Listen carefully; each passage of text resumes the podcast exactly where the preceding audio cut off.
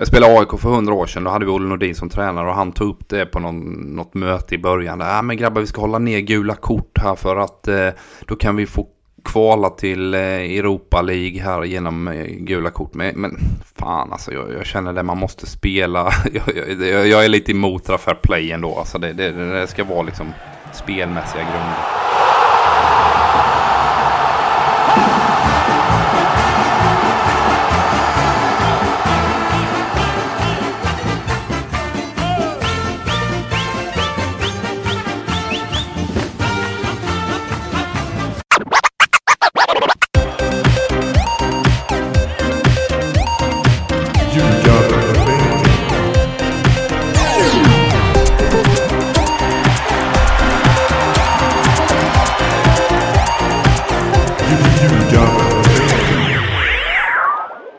Ljugarbänkens VM-podd är här igen varje dag under hela VM och nu har vi ju gått in i slutspelet och som vi gjort det, eller som jag gjort det, nyss hemkommen från Köpenhamn efter att ha sett Danmark falla på straffar mot Kroatien, var på Tivoli i Köpenhamn och eh, fick den här, alltså jag har trott att det är ett skämt att um, att, liksom, att danskarna skulle kasta fulla glas, alltså plastglas förstås, men ändå med öl när det blir mål.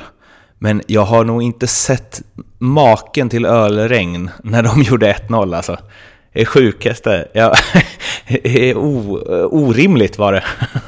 Eh, så eh, om du någon gång åker och kollar på fotboll i Danmark, Erik, så eh, fiskehatt eller något sånt poncho. Ja, jag får ta med men de, de producerar ju bra öl. Men jag tänkte att de är lite sugna på att dricka upp den. Det är lite så här Ken Sema-varning där kanske. ja, exakt. Uh, men det är ju, uh, det var uh, otrolig stämning och jag blev ju det är ju svårt att inte gilla Kasper Schmeichel och framförallt oerhört svårt att inte gilla Peter Schmeichel.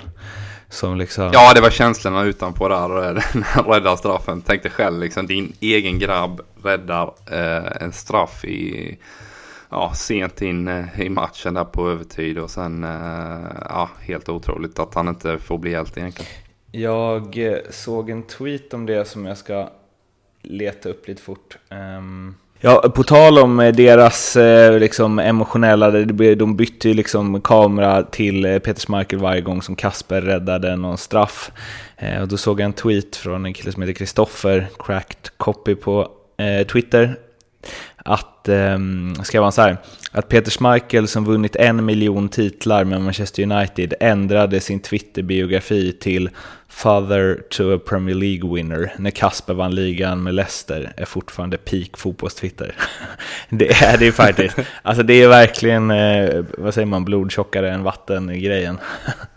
Ja, men jag, jag, jag, kan förstå det också. När man har eh, ja, egna barn och, och de liksom gör bra grejer i, i livet. Om det nu är fotboll eller skola eller vad det är så blir man ju jävligt stolt. Och det är klart att eh, eh han eh, kan säkert eh, känna igen sig där att liksom jag hade bytt ut en eller två eh, bucklor och titlar för att ge dem till min son. För att det är nästan ännu bättre känsla att känna att grabben gör det bra. Liksom. Mm. Um Danmark föll på eh, målsnöret, eh, pressade Kroatien på ett eh, imponerande sätt. Jag hade, det var någon som hörde att jag pratade svenska där som vände sig om och sa Danmark-Sverige i semi. ja, jag såg också den komma nästan alltså. Och det hade ju varit någonting i hästväg förstås. Ryssland slår ut Spanien. Eh, och en sammanfattning av det eh, gjorde en kille som heter Andreas Litander på Twitter där han skrev att eh, när det blir sommartid i Spanien så ställer de inte fram klockan, de flyttar den i sidled. Eh, Och alltså, herregud vilken tråkig match. Ja, det blev ju liksom när de fick kvitteringen där, Tuba smäller in straffen, så kände man ändå, att nu är det dags att liksom eh, börja attackera igen. För någonting som de vill då när de leder, det är ju liksom bara locka upp, locka upp, locka upp och sen kunna sticka in den vid läge. Men när de fick då 1-1 emot sig så kände man, okej, okay, vi måste forcera mer eller liksom eh, vara mer framåtdrivande i vårt passningsspel. Men precis som du säger, det var nästan att man bara knackade i sidled för att man orkade inte eh, ta den här kontringen som ryssarna då och då kommer ju. Hellre då liksom bara behålla boll Och det gör ju också att Ryssland behöver liksom inte arbeta så hårt i sitt försvarsspel. Eh, så att man tröttar ut dem tillräckligt för att få lägena längre fram i en, i en förlängning och så vidare. Så det blir bara den här tråkiga sidledsfotbollen. Mm. Men Ryssland vidare, slog ut Spanien. Den såg man ja, inte nej, komma. Det, nej, makalöst eh, bra gjort såklart av eh, Ryssland där som har lite tur såklart också på, på straffar. Men eh, nu är man i kvartsfinal och det är hemmatrycket och den eh, håsen som blir. Och det var ett ifrågasatt lag innan men nu har man fått självförtroende in i gruppen och ja, nu, nu blir det spännande att se här i kvartsfinal också. Två desto roligare åttondelar om man nu eh, tycker att fin fotboll är roligt. Eh, till att börja med förstås Frankrike-Argentina 4-3. Drömmål på drömmål, en Mbappé som, ja det är svårt att ta in att han är 19 alltså. Eh, men eh, som spelade ut hela sitt register och eh, sänkte Argentina och Messi eh, såg lika likgiltig ut som alltid eh, när han spelade i landslaget. Det var ju, man ska ju säga det, de var ju liksom någon halv meter från att kvittera med en sekund kvar också.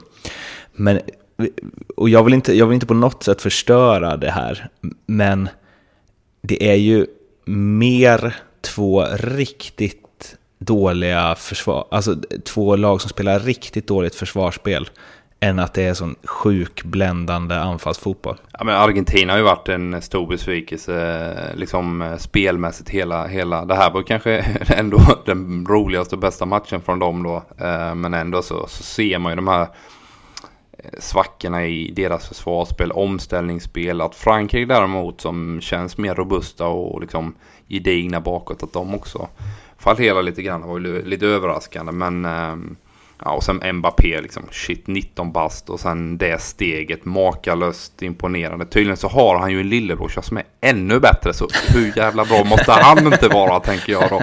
Han kommer att kosta 4 miljarder när han är 18. Men en grej som vi måste ta upp här just när jag har tillgång till dig som gammal landslagsförsvarare. Alltså det är, ofta tänker jag så här, det går så fort, det är en så hög nivå, saker kan se klumpigare ut än vad de är är eh, när folk gnäller på vissa spelare på den här nivån att de är dåliga, så nej, de hade inte spelat på den här nivån om det hade varit dåliga fotbollsspelare. Men det Rojo gör på Mbappé, när det blir straffen som Griezmann sätter till 1-0, där är till och med så här, hur dum får man vara? Är alltså, han är inte nära bollen. Och han hade ju typ kunnat nöja sig med att slita ner honom utanför. Men så ger han honom en extra knuff när han redan är på väg ner. Alltså det ser så dumt ut så... Det är som att de bara... Otamendi, att han spelar i City, jag fattar inte. Alltså det är ju... Han tar så konstiga beslut ibland så man vet inte. Det känns som att liksom...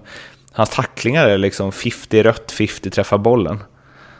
Ja, men det, det som är extremt tydligt i det här slutspelet också just kring det här med tacklingar inne, inne i straffområdet och runt straffområdet Eh, I och med att vi har VAR så måste du vara ännu mer försiktig. För minsta lilla grej så kan de efteranalysera och så vidare. Och i den situationen där Rojo kommer på efterkälken där när han har det otroligt eh, snabba steget när han löper och, och då, han kommer ju nästan ur vinkel också. Va? Så att, alltså jag, jag, jag bara känner, fan ta det lugnt när man är inne i straffområdet och Rojo då liksom är på efterkälken. Liksom. Du, kan inte, du måste bara släppa, du måste bara släppa, släppa honom där och så får du försöka Eh, hoppas att inspelet inte blir bra eller skottet inte blir bra då. Liksom. Jag tror inte ens han hade fått tag i bollen.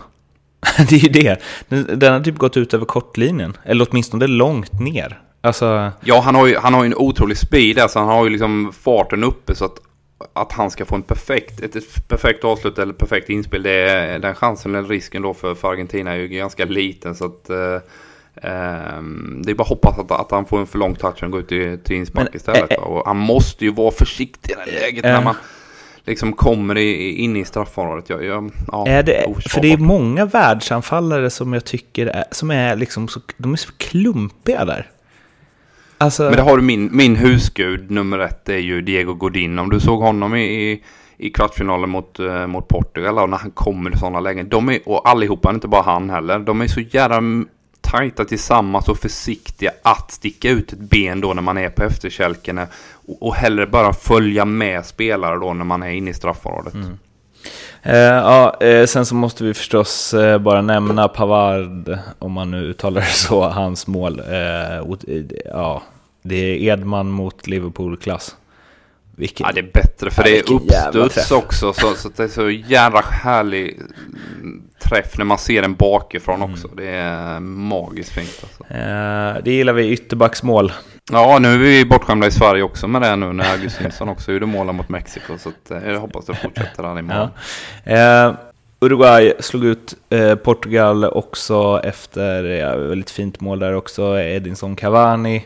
Och de, eh, alltså vi, vi, har ju varit inne på det tidigare och Concha var, när han gästade oss var tidig där med att eh, tippa att de kommer gå långt. Och eh, det, det må man ju säga, det är ju liksom ingen eh, raketforskning här, men de ser väldigt eh, stabila ut och samspelta och det, allt eh, liksom klickar i där. Ja, det, och det, det, det, känns ju också som de gläds med varandra och jobbar så jädra hårt för varandra och tar liksom en sån egotripp som, som Luis Suarez. Han spelar fram eh, till första målet Cavani och är överlycklig för hans skull. Och sen har du andra målet där han gör en jättefin överhoppning och öppnar ytan för Cavani i andra läget. Mm. Det har man ju inte sett i klubblaget. utan eh, i Liverpool när han ville ville göra mål, då var det fan aldrig passa eller öppna för någon annan. Utan här är det en ödmjukhet som är imponerande. Och de två där framme, nu, nu, nu fick han ju någon smäll och gick av här Cavani. Så jag är osäker om,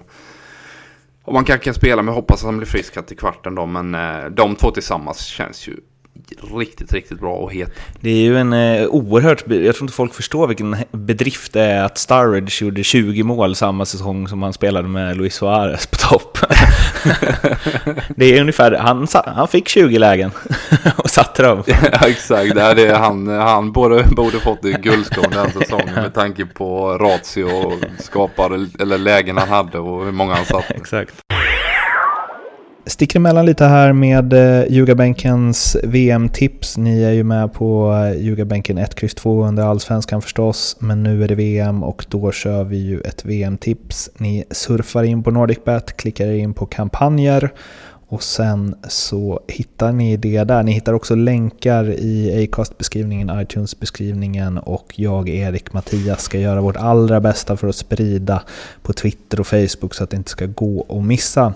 Där går ni in och tippar omgång 5 och omgång 6. 1, X, 2 i matcherna. Det är åtta stycken i varje omgång och sen skickar ni in ert tips där. Ni behöver inte satsa några pengar utan är ändå med och tävlar om jackpotten på 10 000 spänn som man får om man eh, kammar hem alla åtta rätt där Eh, sen så finns det ju en det är hel del andra priser också. Det är 500 Panini-bilder och 300 Panini-bilder och 200 Panini-bilder och gratisspel och allt sånt där. Så surfa in och utmana oss och även om ni inte prickar in alla rätt så kanske ni i alla fall kan slå Erik och Mattias. Det kan ju vara en fjäder i hatten det. Eh, vi har fyra stycken åttondelar kvar. Vi ska avhandla tre här och sen så imorgon tidigt kommer det ett eh, eh avsnitt som bara handlar om Sveriges match förstås. Um, Brasilien-Mexiko brakar igång i, senare i eftermiddag. Uh, jävligt pepp på den matchen. Ja, det känns eh, riktigt intressant här nu. Brasilien som har växlat upp, ser bättre ut eh, ju längre turneringen går. Samtidigt ett Mexiko, visst nu åkte man på en käftsmäll mot Sverige, men jag tror inte att Mexiko är överdrivet eh, rädda och har alltför stor respekt för brassarna. Eh, jag menar, de stöter på varandra i klubblag, spelarna och eh, ja, de har varit med i Copa America också, Mexiko och liksom spelat mot brassarna. Så att de har ju mer än vana. Än, tänker på ett eh, europeiskt lag. Så att jag, jag kan tänka mig spelmässigt. Alltså så tänker man på förhand att brassarna ska bara tokdominera. Men jag tror att Mexiko kan ha en hel del boll här. Även om de är stora favoriter såklart, brassarna. Det känns som det kan bli eldigt. Ja, nej, känslan kommer vara utanför tröjan såklart. Men eh, nej, den, den matchen är riktigt spännande och häftig. Och, ja. Frågan är, är, är Brasilien ett lag man kan ställa om snabbt på? Likt Tyskland? De känns inte riktigt så på samma sätt. Nej, om man tittar på den positionering som tyskarna hade så var de väldigt öppna. Där... Eh, där man egentligen bara har en, när man tappar boll har man en central mittfältare på plats för att bromsa en kontring. För Kroos han drog ju ut på kanten där när man trycker upp ytterbacken och hämtar. Och dessutom var han ju bedrövlig i omställningsspelet också, Kroos. Här känns det som Casemiro som har varit kanske VMs bästa defensiva spelare. Eh, eh håller sig där inne centralt och bromsar. Dessutom då har man ett hyfsat sparkapital på bänken och slänga in kanske idag då med Fernandinho om man vill, man vill framstå som lite mer defensivt eh, ja, balanserad. Vad säger du i procent? Ja, jag, jag, jag säger ändå 70-30 där. Det kanske är lite väl högt i brassarna. Men eh, jag tycker att de är stora favoriter den här matchen. Och ja, vad fan, de har ju ett sjukt lag på pappret. Så att, eh, det här ska de ju vinna såklart. Belgien-Japan är den matchen som eh, där eh, vinnaren kommer möta vinnaren mellan Brasilien eh, och Mexiko. Belgien som ju trummat igång lite sakteliga hade ju ingen supersvår grupp utan städade av både Panama och Tunisien utan större problem innan det blev en sömnpiller modell större mot England men som ändå slutade med vinst för belgarna. Och då mot ett Japan då, som eh, var i en eh, väldigt tuff grupp och gick vidare på fair play före Senegal. Eh, som tvåa efter Colombia och Japan blandade väl och gav lite. Eh, det känns som eh, när liksom Hazard, Lukaku och så vidare, vi var inne på det i podden med Ehm, jag kommer inte ihåg vem det var, om det var Per Zetterberg, att vi snackar liksom om att det, det, är viktigt. Alltså, det spelar inte så stor roll vilka lag Lukaku och Hazard har gjort mål mot. Likadant som det inte spelar så stor roll vilka lag Harry Kane har gjort mål mot. Utan det viktiga är att de har fått producera. Ehm, för självförtroende kommer oavsett om du gör mål mot Panama eller Brasilien. Liksom. Ehm, och det känns väl som att de, alltså rent rent logiskt borde de ju liksom kunna lägga i en högre växel här. Ja, nej, men det är klart att de är stor, storfavoriter. Japan är ju i mitt tycke det sämsta laget i de här åttondelsfinalerna. Har inte presterat speciellt bra. Det är ju klassiskt. De är tekniska skickliga. De, de kan springa ganska mycket. Men eh, ett svagt lag skulle jag säga. Och jag menar Senegal var ju betydligt bättre i den här gruppen men eh, ja, klantade till det själva kan man väl säga då. Så att, eh, ja, sen fair play, jag vet inte. Det, det kan väl eh, kanske vara rätt att man har någon form av ja, gradering där då efter gjorda mål och de här bitarna. Jag kommer ihåg jag spelade AIK för hundra år sedan. Då hade vi Olle Nordin som tränare och han tog upp det på någon, något möte i början. Ja men grabbar vi ska hålla ner gula kort här för att eh, då kan vi få kvala till eh, Europa League här genom eh, gula kort. Men, men fan alltså, jag, jag, känner det man måste spela. jag, jag, jag är lite emot det fair play ändå. Alltså det, det, det ska vara liksom spelmässiga grunder. Belgien superduper stora favoriter väl? Större än Brasilien? Ja, Ja, det, det, det ska jag säga. Med tanke på att Japan då i mitt, eh, mitt tycke då är det sämsta laget som, som har kravlat sig vidare så, så är Belgien superfavoriter. De har en makalös offensiv och jag tror man kommer städa av det här japanska laget eh, tämligen enkelt. Eh, längre fram då i nästa match så möter man förmodligen då Brasilien eller då kanske Mexiko. Men, men brassarna då säger vi. Då kommer man bli testade på ett helt annat sätt försvarsmässigt. Och där sätter jag ändå lite frågetecken. Man har Carrasco wingback, vänster wingback. Eh, är ju ingen defensiv spelare. Så att, eh, jag tror man blir mer testad där. Jag tror det är viktigt att få in kompani. Nu slängde man in honom sista tio minuterna mot England så han ändå fick några minuter. Förhoppningsvis kan, kan han spela ja, från start idag. Då. Jag tror han är viktig för och, liksom, den ledartypen och, och de, de egenskaperna han har. Och, och få, få en, en defensiv på plats även om man, man kanske inte behöver testa av den idag då. I procent? Ja, 70-30 där också. Eller kanske till och med 80-20 om jag ska vara helt ärlig. Där. De är superfavoriter och, och kommer vinna. Och sen så har vi ju den som eh, den åttondel som utser vilken motståndare som Sverige får eh, om vi slår ut eh, Schweiz. Det är Colombia mot England. Jag får lite flashbacks här va, till, är det VM 98? Eh, som de möts. Anderton gör mål tror jag. Darren Anderton, eh, eller, Spurs-legend. exakt. Jag kommer ihåg eh, liksom, fragment från den här matchen. England vann med 2-0. Undrar om inte Michael Owen gjorde mål också. nej Beckham förstås, på frispark. Eh, och Anderton. Eh, det här känns som ett riktigt... Eh, nu ska vi se, det, kanske det är på förhand jämnaste. Ja, och jag, jag har satt 50-50 där också. Colombia har ju imponerat ja, genom hela gruppspelet. Och även då när de är lite pressade i sista omgången där så gör man ett mål på hörna. Den här långa liraren där nickade in. Den var ju sjukt högt uppe på, på det hörnmålet mot Senegal där och prickade in den. Och spelmässigt ser man också Eh, väldigt, väldigt bra ut. Nu är frågan om James eh, eller James Rodriguez, hur det är med hans eh, fysiska status här. Om han är, eh, pigg nog att spela den här matchen. Han är viktig ju. Ja, han är väl klart. Han är ju den, deras kreativa spelare. Samtidigt så har man andra också med Quadrado och andra som... som eh, Quintero. Har gjort det väl. min, min gubbe. ja, okej. Okay. Din, din lirare då. Nej, men de, de känns spännande och helt öppen match. Det här engelska laget är ju har ju gjort det relativt bra, ganska anonymt men jobbar hårt i en 3-5-2 uppställning och Kane där framme som är, som är såklart eh, stekhet när han har gjort mål och äh, spännande match.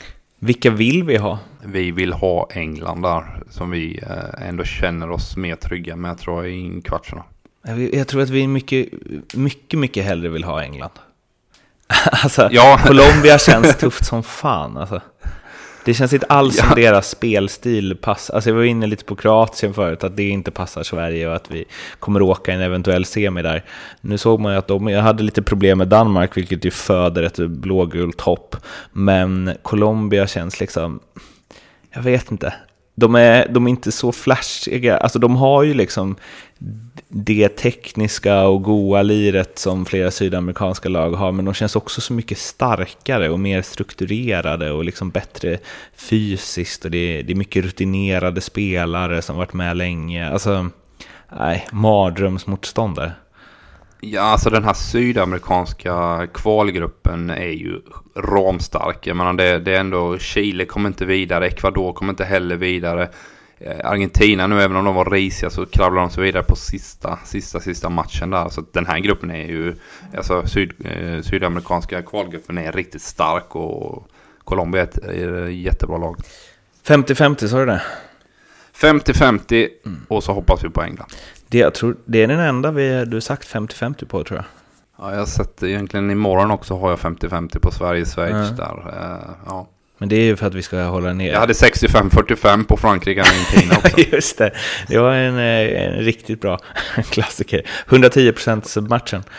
Eh, det blev ju en 110% match på alla sätt och vis.